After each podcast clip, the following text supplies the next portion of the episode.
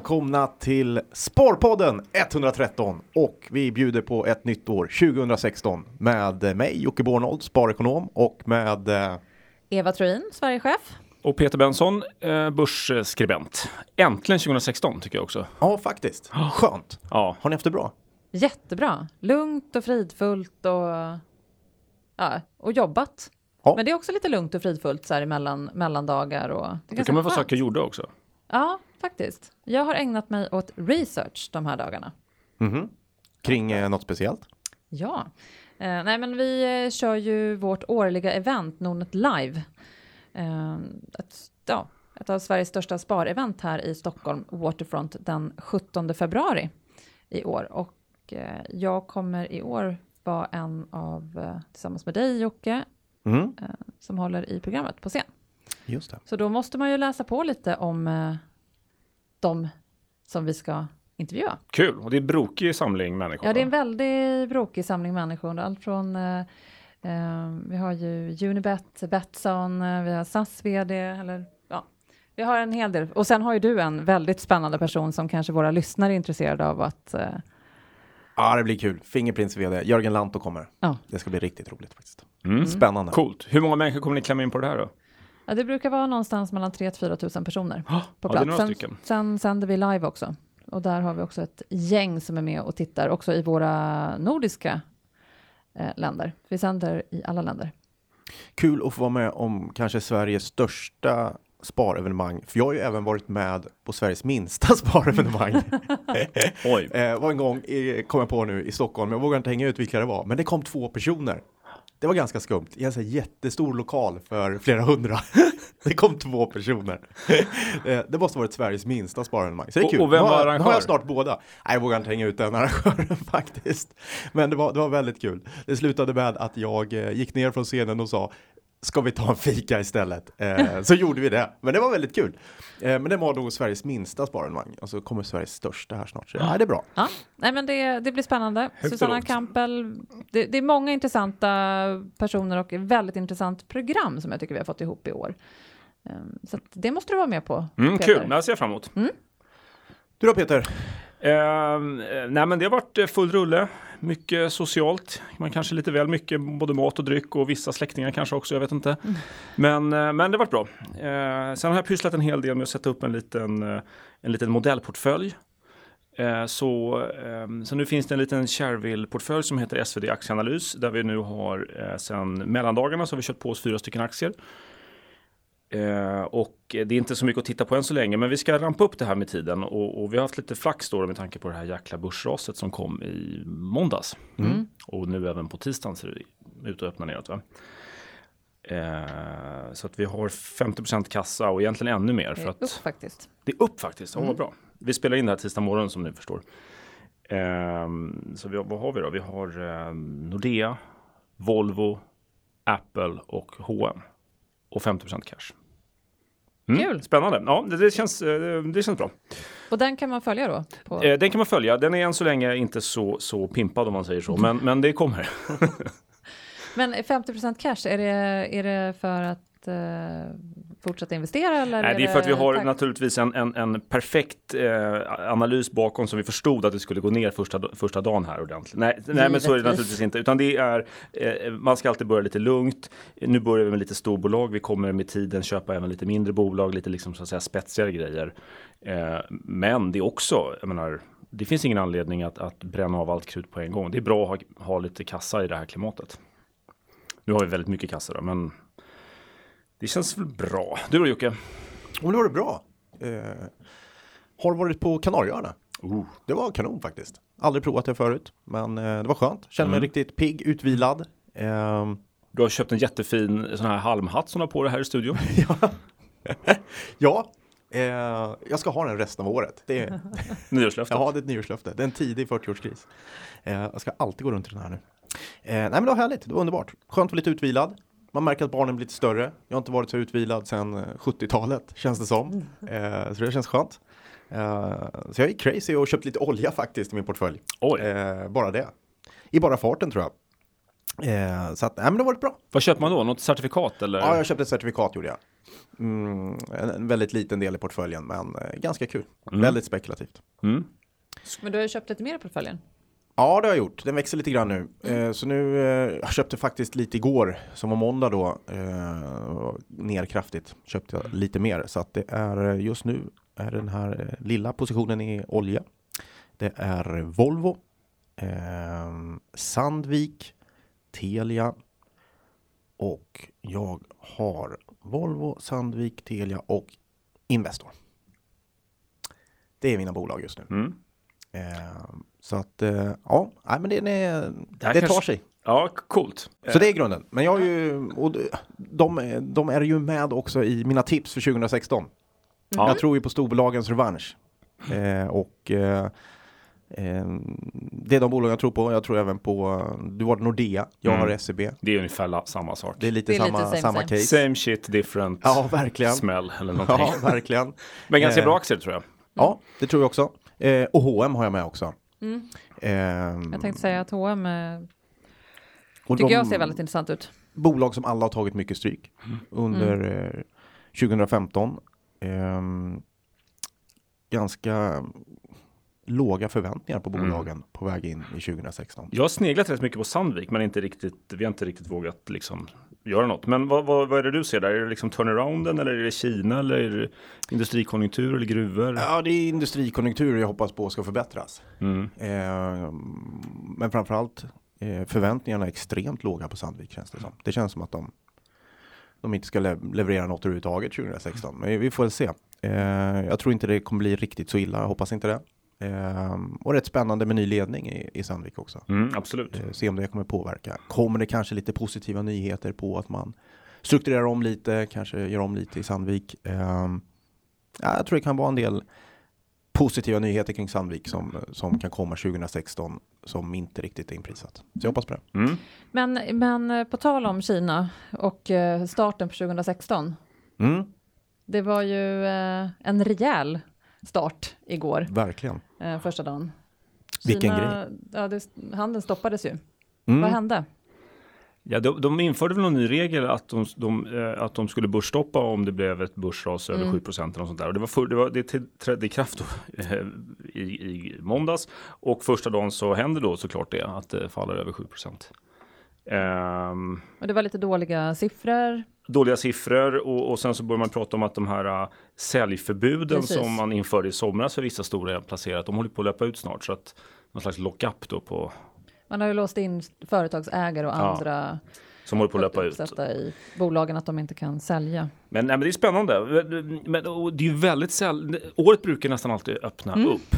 Och nu, Mm. det här är väl f- liksom första gången på 30 år någonting sånt där och bara fjärde gången sedan eh, Hedenhös eller någonting som det öppnar ner första börsdagen. Ja, jag var lite förvånad. Jag handlade faktiskt lite i mellandagarna så blev, jag blev lite besviken Ja, över eh, första dagen. Jag hade hoppats på, på en helt annan öppning, Ja. men, men eh, så är det. Jag är ju inte så kortsiktig i mina investeringar. Så det, Men jag tycker det var bra som du gjorde, där Jocke, att man ska försöka handla lite på sådana här kraftiga neddagar så ska man försöka köpa någonting. Det behöver inte vara så mycket pengar, men det är viktigt för liksom disciplinen. Det är viktigt att liksom att, att, eh, att inte fega ur eh, under ett, en börsrasdag.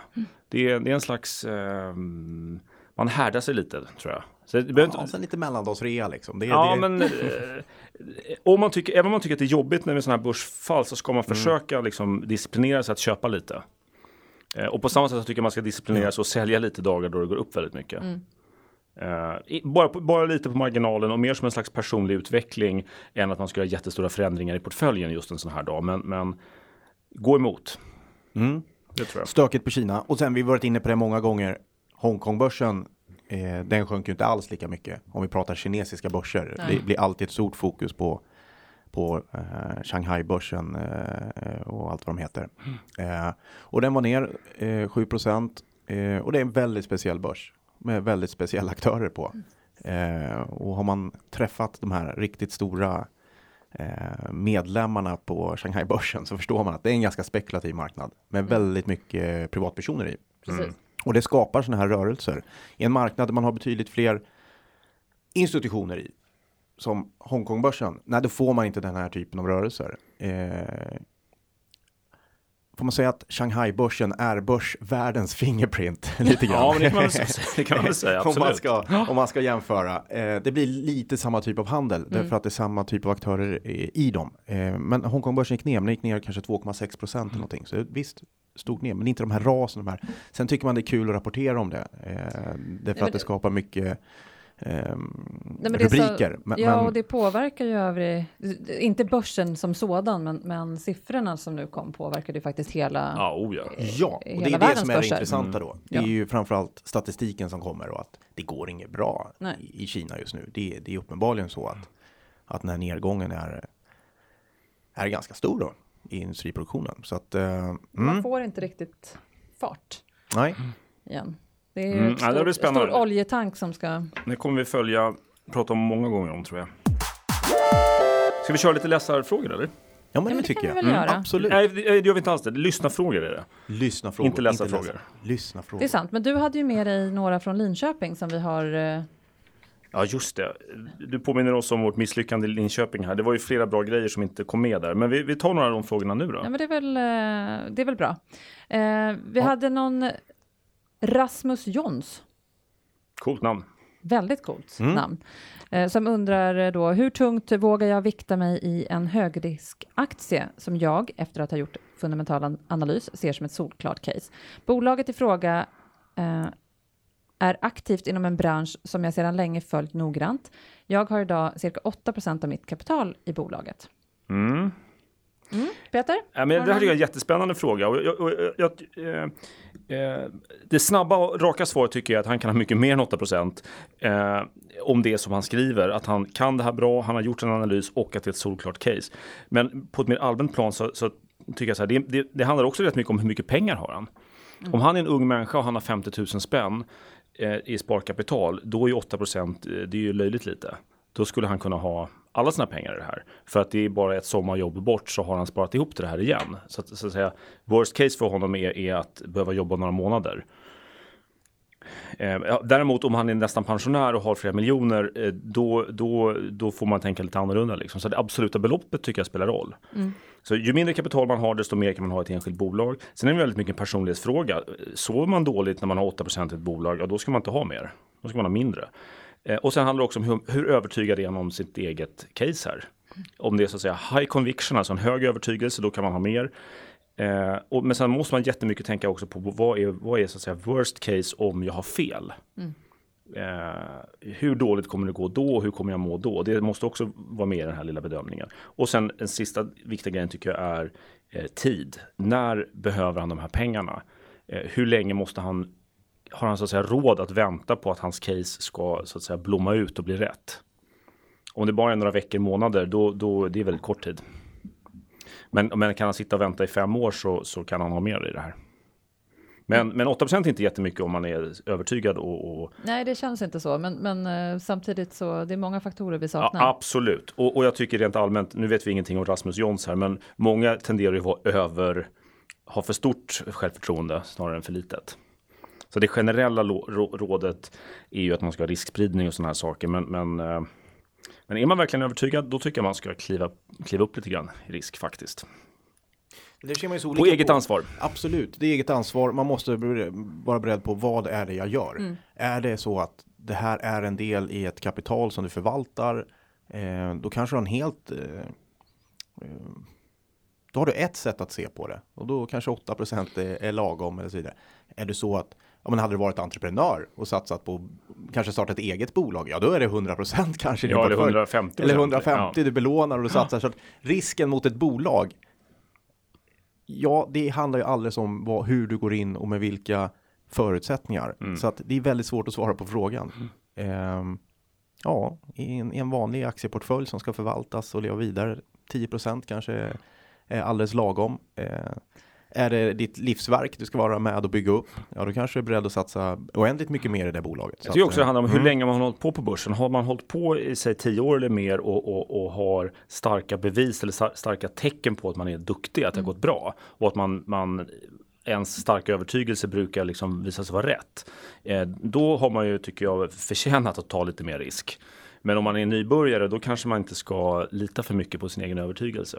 Det är kapital, erfarenhet, tid vad händer i värsta fall? Worst Ja, case. Worst case, lite magkänsla också kanske tror jag. Det här med att sova gott på Ja. nätterna och vad man, Man ska är sälja ner för- till sömnpunkten som någon säger. Ja, Man, man, bra, ett bra har man tips. svårt att sova så ska man sälja ner tills man kan börja sova igen.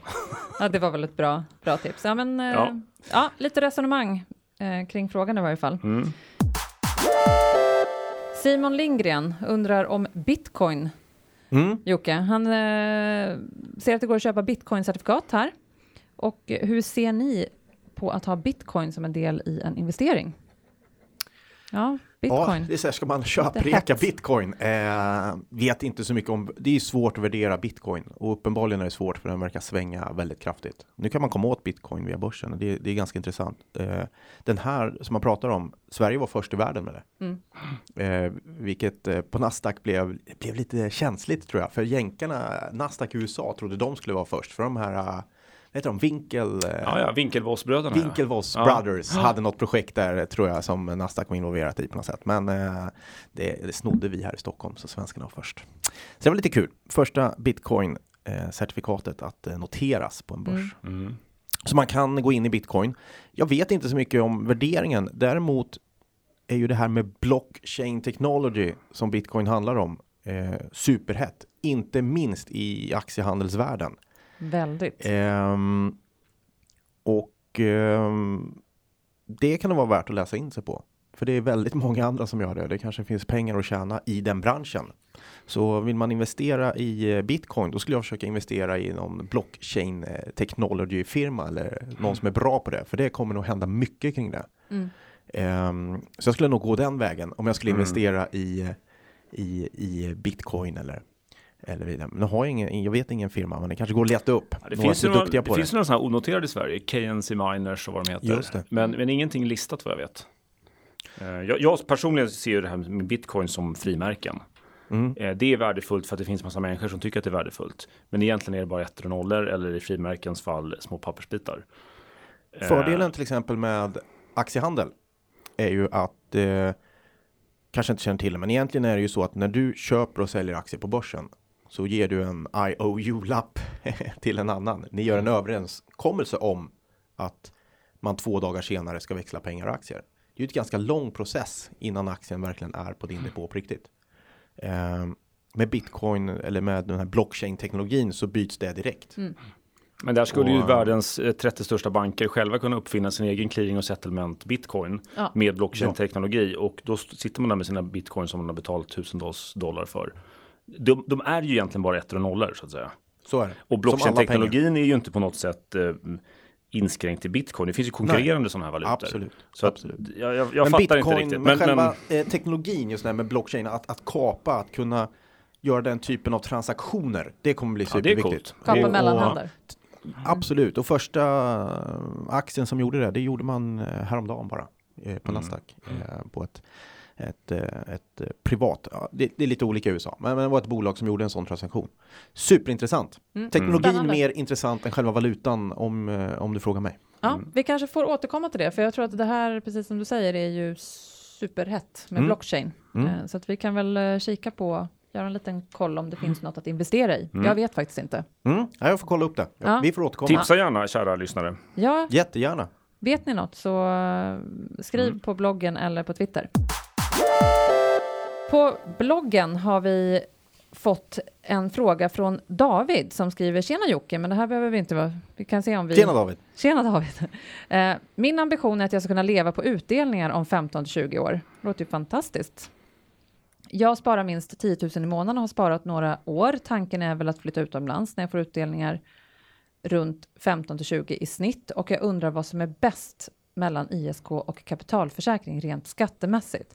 Sen vill jag höra om du har något mer bra tips. Mm. Tack för en bra podd. Det var en generell fråga. Det är Ja, mycket är- frågor kring kapitalförsäkring och ISK, men vi kan väl börja med den här. Det är väl en bra Kanarieöarna. Satsa på bosätta dig på Kanarieöarna. Jag tyckte det var grymt. Det var skönt där. Och köpa en sån där Eh, halmhatt som Och en Jocke har. halmhatt. Eh, absolut. Och rök cigarr. Så eh, blir det perfekt. Eh, men eh, innan dess. Eh, ISK, KF, leva på utdelningar. Många när ju den drömmen ska man säga. Det finns oändligt många olika strategier för att vara aktiv på börsen. Och utdelnings ehm, caset är det ju väldigt många som när och, och, och jobbar med. Och det är ju fantastiskt att kunna leva på passiva inkomster, om vi ska kalla dem där då. Mm.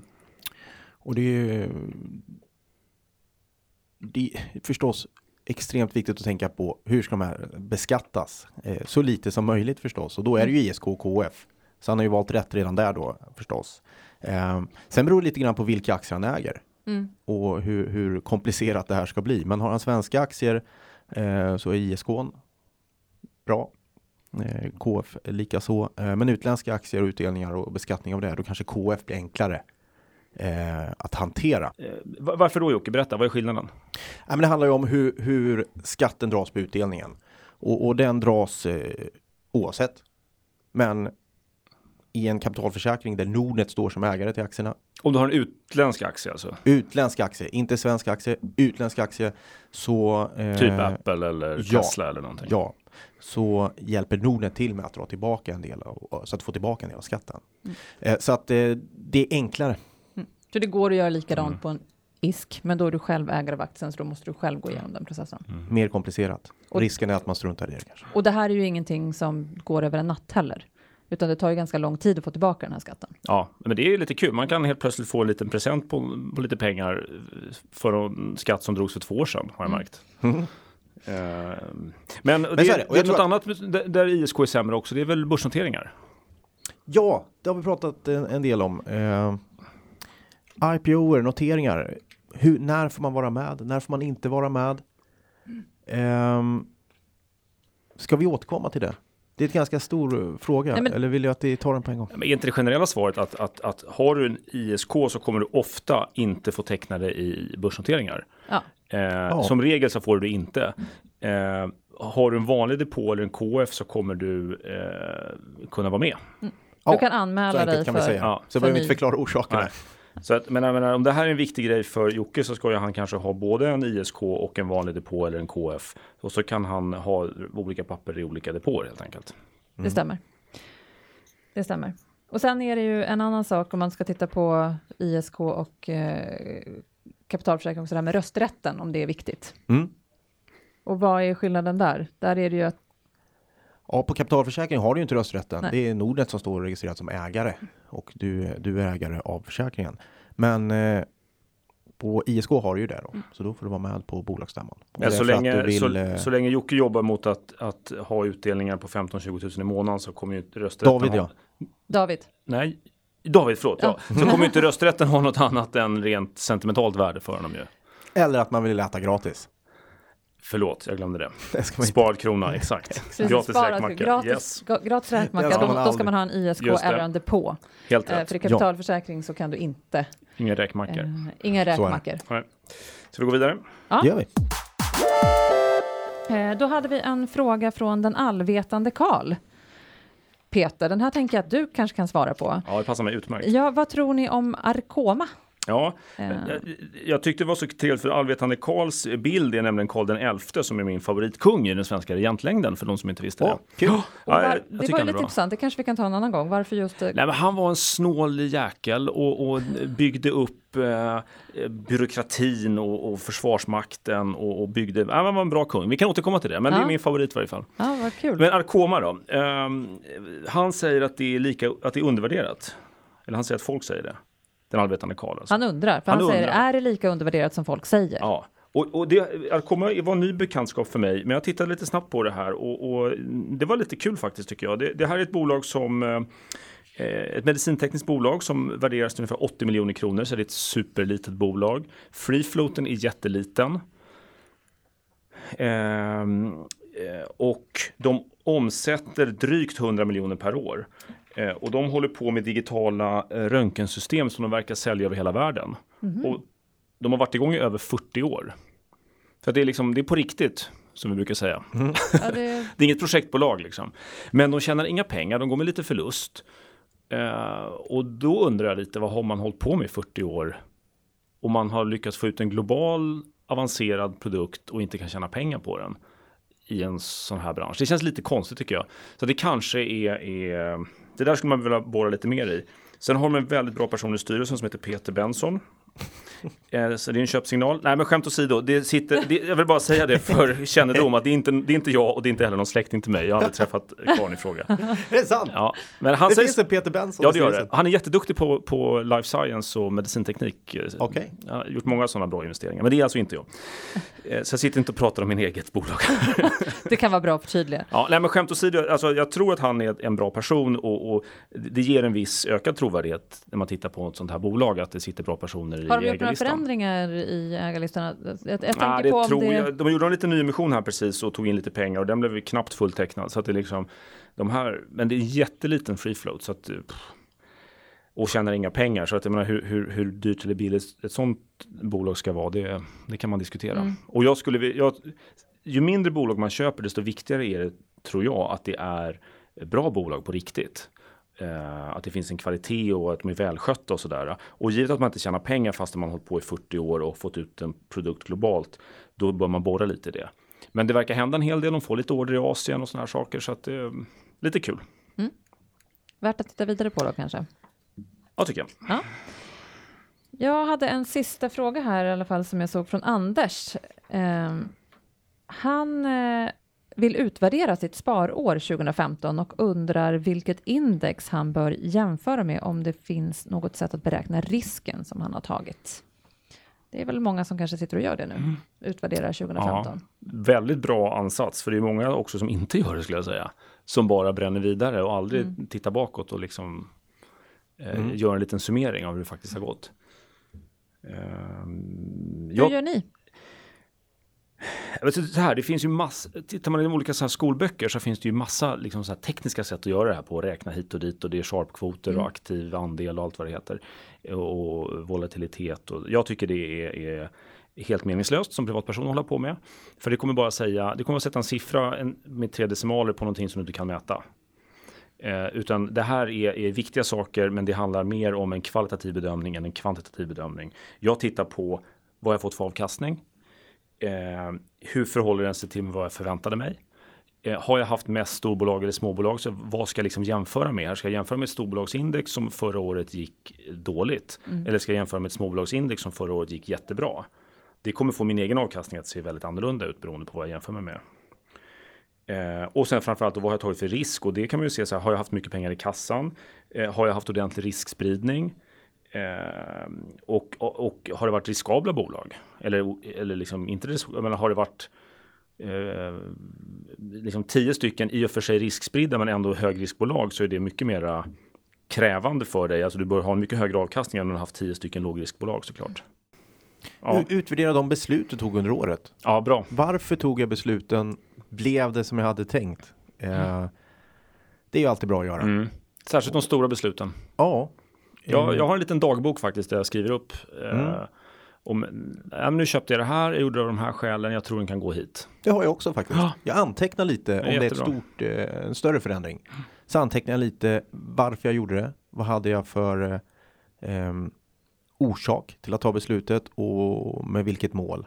Eh, och, och sen, eh, det är ganska intressant, så kan man Mm. utvärdera sig själv. Det tar inte så lång tid. Det är värt att göra det.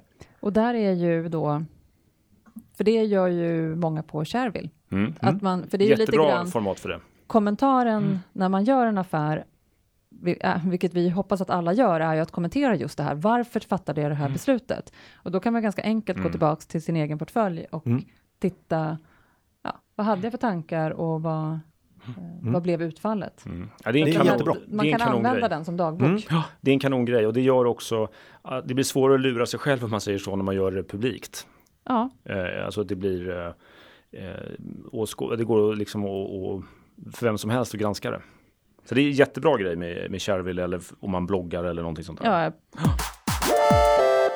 Så start på 2016, nu är vi igång. Nu är vi igång igen Ja. och vill ha in massor med mer eh, läsarfrågor. Lyssnarfrågor. Lyssna Det frågor. där, är, det där kommer bli, det där får vi jobba med under hela året. Hur kan det vara så svårt? Lyssnarfrågor vill vi ha in. Och eh, feedback. Fortsätt med det. Jag fick feedback för att jag sa Sharewill på fel sätt. Det ska vara Sharevill. Så att jag övar på det hela tiden. Tack för den feedbacken. Såna här små saker. Men jag efterlyser ett mer franskt uttal. Cherville. Cherville. Den lilla franska byn. Ja, jo, men det, Det låter trevligare. det låter trevligare. Nej, men små, smått som stort. Eh, All feedback eh, mottages eh, tacksamt. Absolut. Det här Ja. var Sparpodden 113. Tack för oss. Tack för oss. Tack, tack. Tjena. Peter Pan.